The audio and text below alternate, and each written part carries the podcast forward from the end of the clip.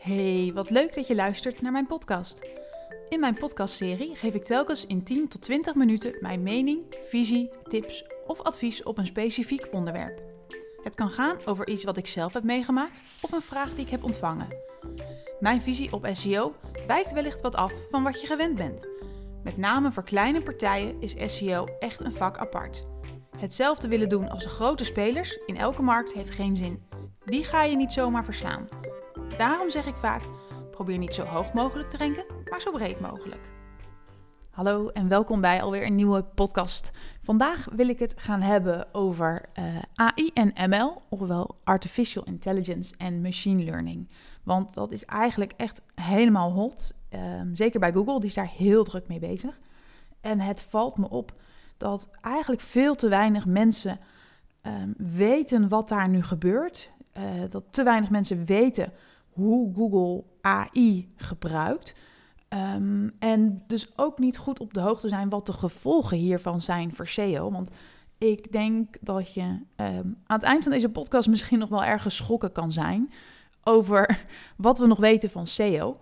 En waarom ik eigenlijk ook steeds vaker moet zeggen: ik snap SEO niet meer. Ja, ja ga ik dat zeggen? Ja. Ja, ik snap het vaak niet waarom het, het gebeurt zoals het gebeurt. Um, en ik vraag me ook steeds vaker af: ben ik nog wel een, een SEO-specialist? Met alles wat we niet meer weten. Dus nou ja, laten we het erover gaan hebben. Dan ga ik je uitleggen waarom ik hier, uh, hiertoe kom. Eerst even die twee termen. Hè? Want wat is nou het verschil tussen AI, Artificial Intelligence, en ML, Machine Learning? Um, AI is, ik heb dat ook even opgezocht, die definities, um, is een intelligente computer die eigenlijk wil denken en uh, wilt, wilt reageren als een mens. En um, het, het, voert zijn eigen taken uit. En machine learning is hoe een computer eigenlijk nieuwe intelligentie ontwikkelt. Dus machine learning zegt het al, de machine leert van zichzelf. En um, als ik het goed begrepen heb, is machine learning dus een vorm van AI. Dus um, het is zeg maar appel staat tot fruit. Dan heb je AI en machine learning is daar een onderdeel van nou ja, wat, wat we. Uh, Google zegt hier zelf iets over. Ze hebben een pagina over eh, AI en ML in uh, search. En zij zeggen eigenlijk dat over de jaren hebben ze honderden algoritmes ge, um, ontwikkeld. Hè. Dat weten we ook dat die erin zitten. En um, oude AI-algoritmes worden niet zomaar terzijde geschoven als er nieuwe AI-algoritmes zijn. En in totaal, dat zeggen zij letterlijk, search runs on hundreds of algorithms and machine learning models. Dus er zitten honderden stukjes algoritme in het hele search verhaal. Nou, dat zal zowel SEO als SEA zijn, maar het is dus niet te zuinig. En zij zeggen ook dat dat new en old can play well together. Ja, als je ze, die stukjes algoritme met elkaar laat werken, dan gaan ze natuurlijk ook met elkaar samenwerken. Dus dat gaat prima. Um, en elk algoritme had een specifieke rol um, en is ja, getraind om de meest behulpzame resultaten te geven. Um, nou, en sommige van die algoritmes zeggen zij zijn belangrijker dan andere. Dus ik ben ook even de geschiedenis ingedoken over de toepassing van AI. En Google vertelt een, uh, over een aantal uh, algoritmes. Nou, het eerste wat zij hadden was RankBrain. Dat was het eerste stukje AI. Dat werd in 2015 werd dat gelanceerd.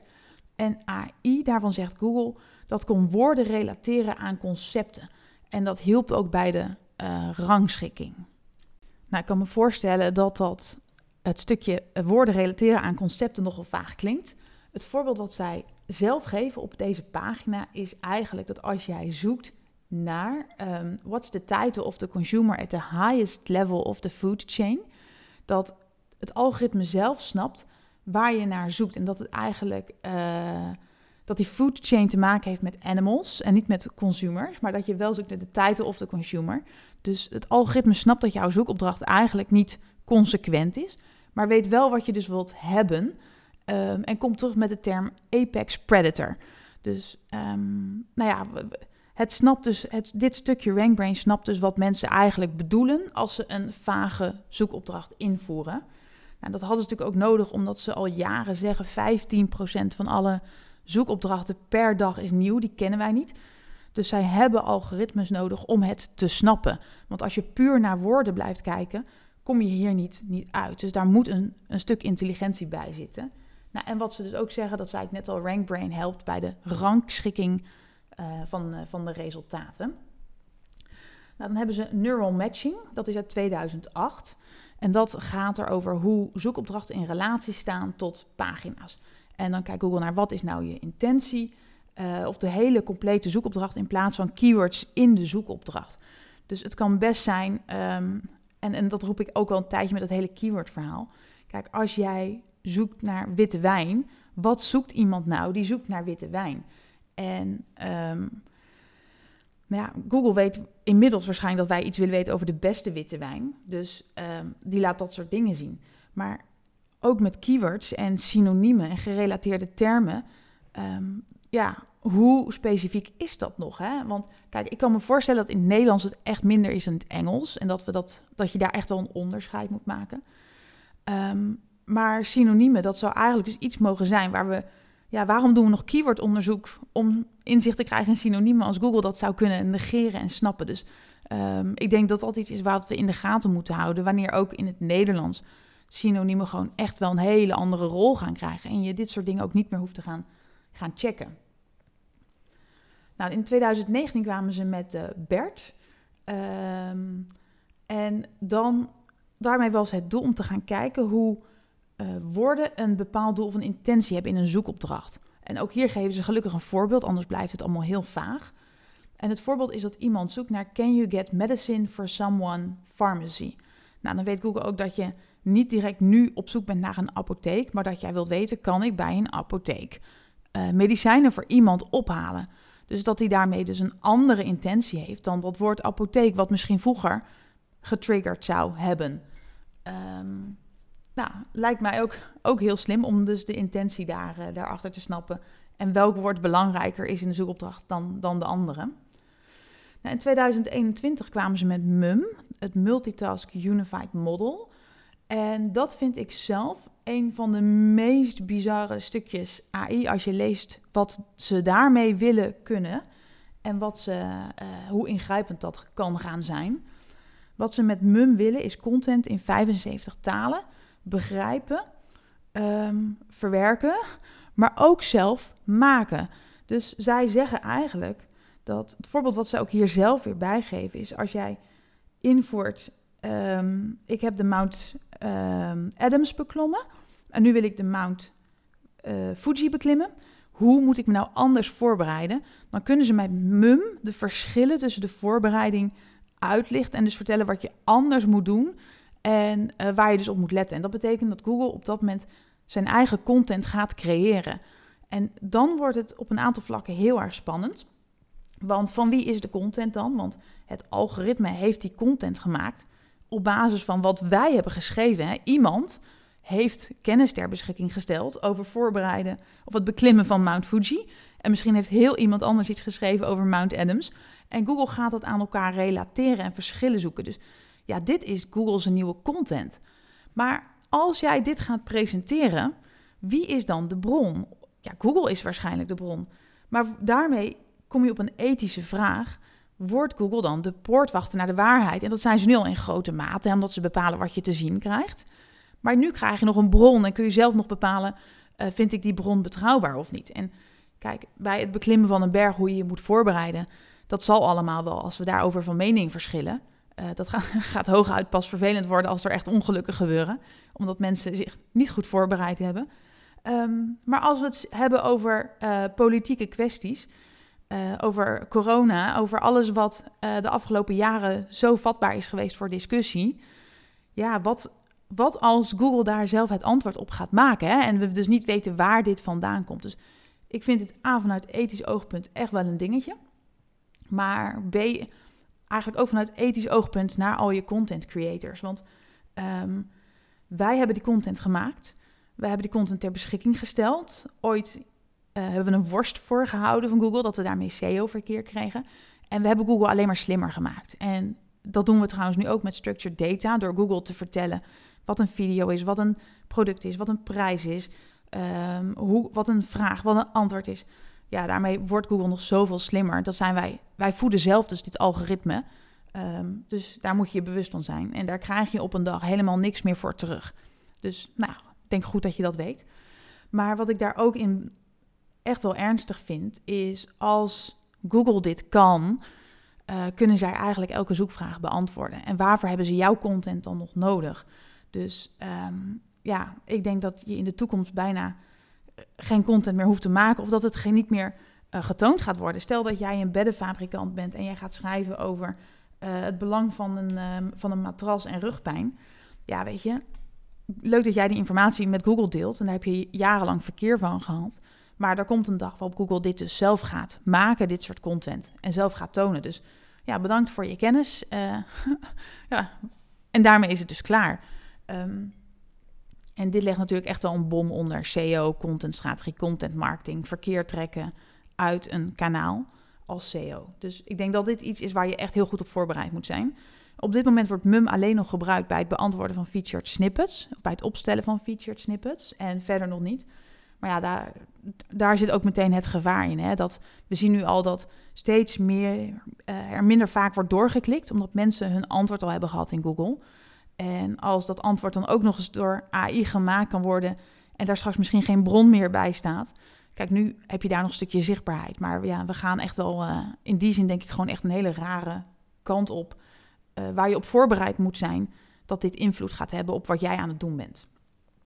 Nou, en dan is er nog een stukje uh, AI wat we weten. En dat is dat Google in de Helpful Content Update, die vorige maand is aangekondigd en uitgerold, uh, daar maken ze gebruik van AI om te bepalen en machine learning wat behulpzame content is en wat niet.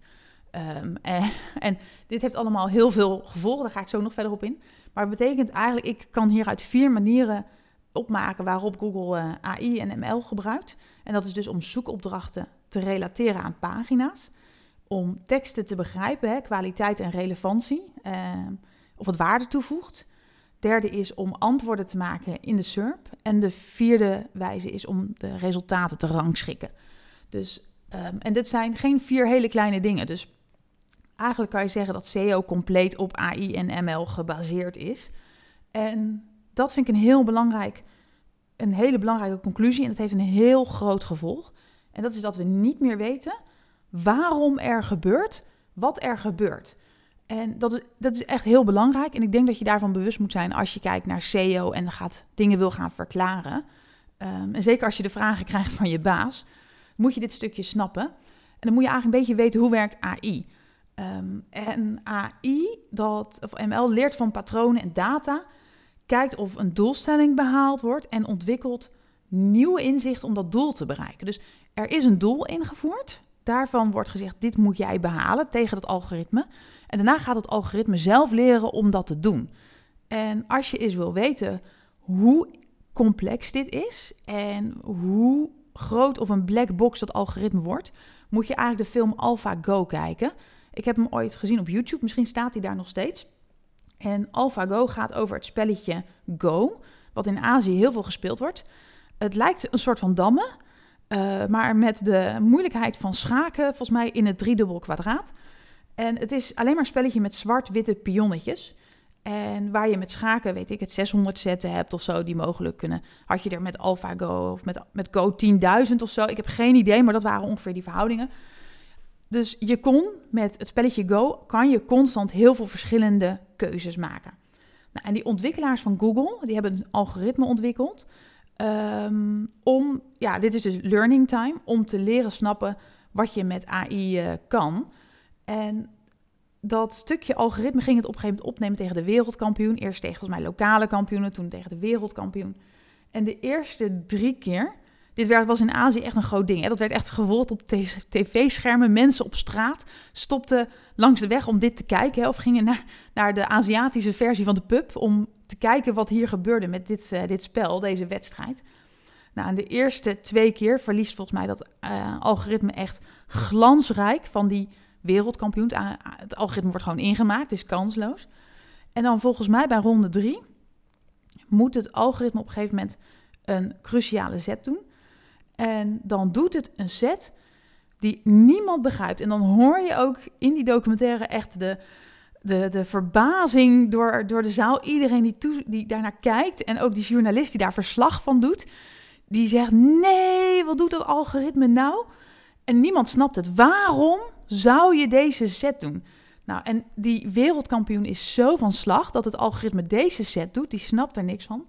Die is helemaal kwijt. En vanaf dat moment maakt het algoritme gewoon die wereldkampioen genadeloos af. En volgens mij in ronde 4 en ronde 5 wordt het nog heel veel erger. Ehm, en niemand snapt meer waarom het algoritme de zetten heeft gedaan die die heeft gedaan. Maar blijkbaar heeft ja, dat algoritme zichzelf getraind. Van oké, dit werkt niet, dit werkt niet, dit werkt niet. Ik probeer dat dus. En dan werkt het wel. En het vervelende is, wij snappen niet waarom het algoritme werkt zoals het werkt en waarom het die beslissing genomen heeft. En dat is dus ontzettend belangrijk voor SEO. Wij snappen niet waarom het algoritme een beslissing genomen heeft.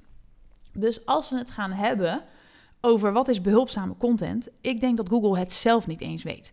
Google heeft gezegd tegen het algoritme: dit moet de uitkomst zijn. En dan mag het algoritme zelf gaan bepalen hoe die uitkomst behaald wordt.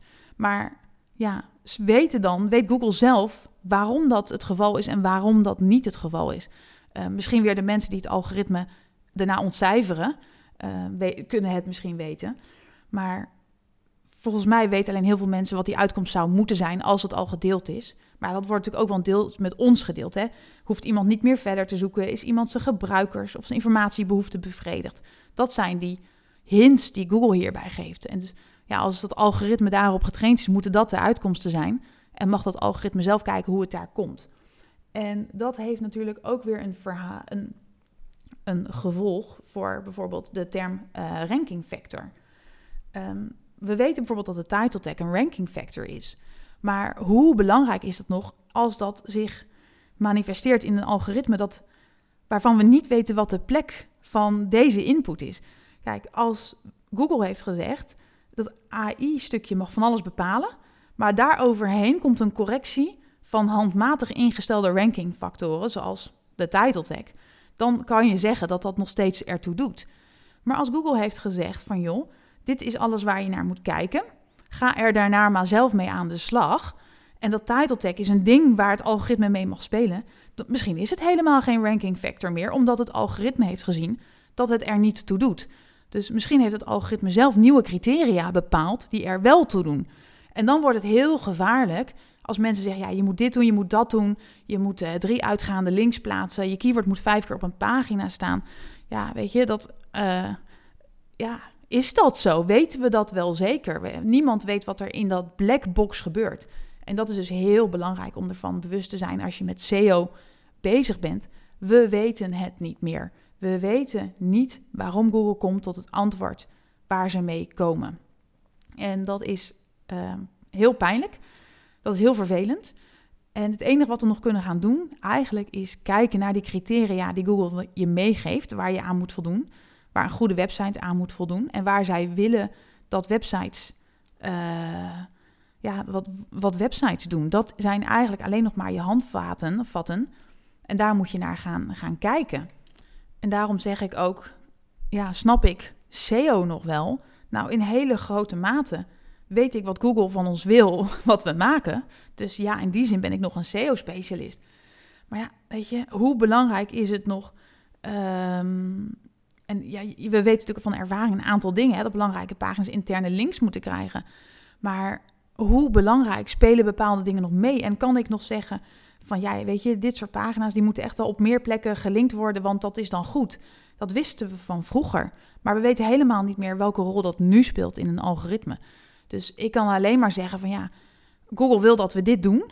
En ik denk dat als we concreet deze drie actiepuntjes gaan doen, dat we daarmee voldoen aan wat Google wil dat we doen en dat het algoritme daar dus op getraind is. En ik denk dat dat bijna de enige manier nog is wat we, wat we weten van SEO. En ik denk dat je heel erg goed moet oppassen van iedereen die uh, zegt het exact te weten. Ja, dat kan, dat kan gewoon niet. Dan moet je de resultaten van, van het stukje AI hebben. Dan moet je dat analyseren moet je weten waarom het algoritme de beslissingen neemt. En zolang we dat niet weten, kan je niet meer zeggen: ik weet exact wat er gebeurt. Ehm, en ik weet hoe Google werkt of ik weet hoe ik je op één ga krijgen. Ehm, en, en dan met concrete actiepunten komt, dan moeten echt wel alle alarmbellen bij je afgaan. SEO is een black box. Ik denk dat we eigenlijk moeten concluderen, we snappen er weinig meer van. Ehm, en de enige handleiding die we hebben is de handleiding van Google en daar moeten we het dus mee, mee doen. En dat is denk ik heel goed om dit stukje te snappen. En is dat een leuke boodschap? Nee, dat is het zeker niet. Uh, maar dat is wel de wereld waarin we vandaag de dag leven en waar je het mee zal moeten doen. En ik ben ook van plan om binnenkort nog een podcast op te nemen met de vraag of SEO altijd een goed kanaal is voor jou. Uh, misschien kun je het antwoord al een beetje aanvoelen op basis hiervan. Maar uh, dan, dan, moet je de, die podcast ook maar gaan luisteren. Um, ik hoop je in ieder geval wat wijzer gemaakt hebben um, over AI, over ML, over hoe dat in SEO gebruikt wordt. En wat dus daar de gevolgen van zijn. En uh, ik hoop dat je daar een, weer wat slimmer van geworden bent. Ik zal natuurlijk weer een, een blog hierbij maken op mijn site. En dan ook even linken naar die pagina van, van Google. En ik ga ook kijken of ik het film, de film AlphaGo voor je kan vinden. Nou, mocht je hier nog over van gedachten willen wisselen, let me know. Je vindt me op, op Insta, je vindt me via de CO Vraagbaak als je eens met me wil sparren. Uh, en ik denk graag met je mee.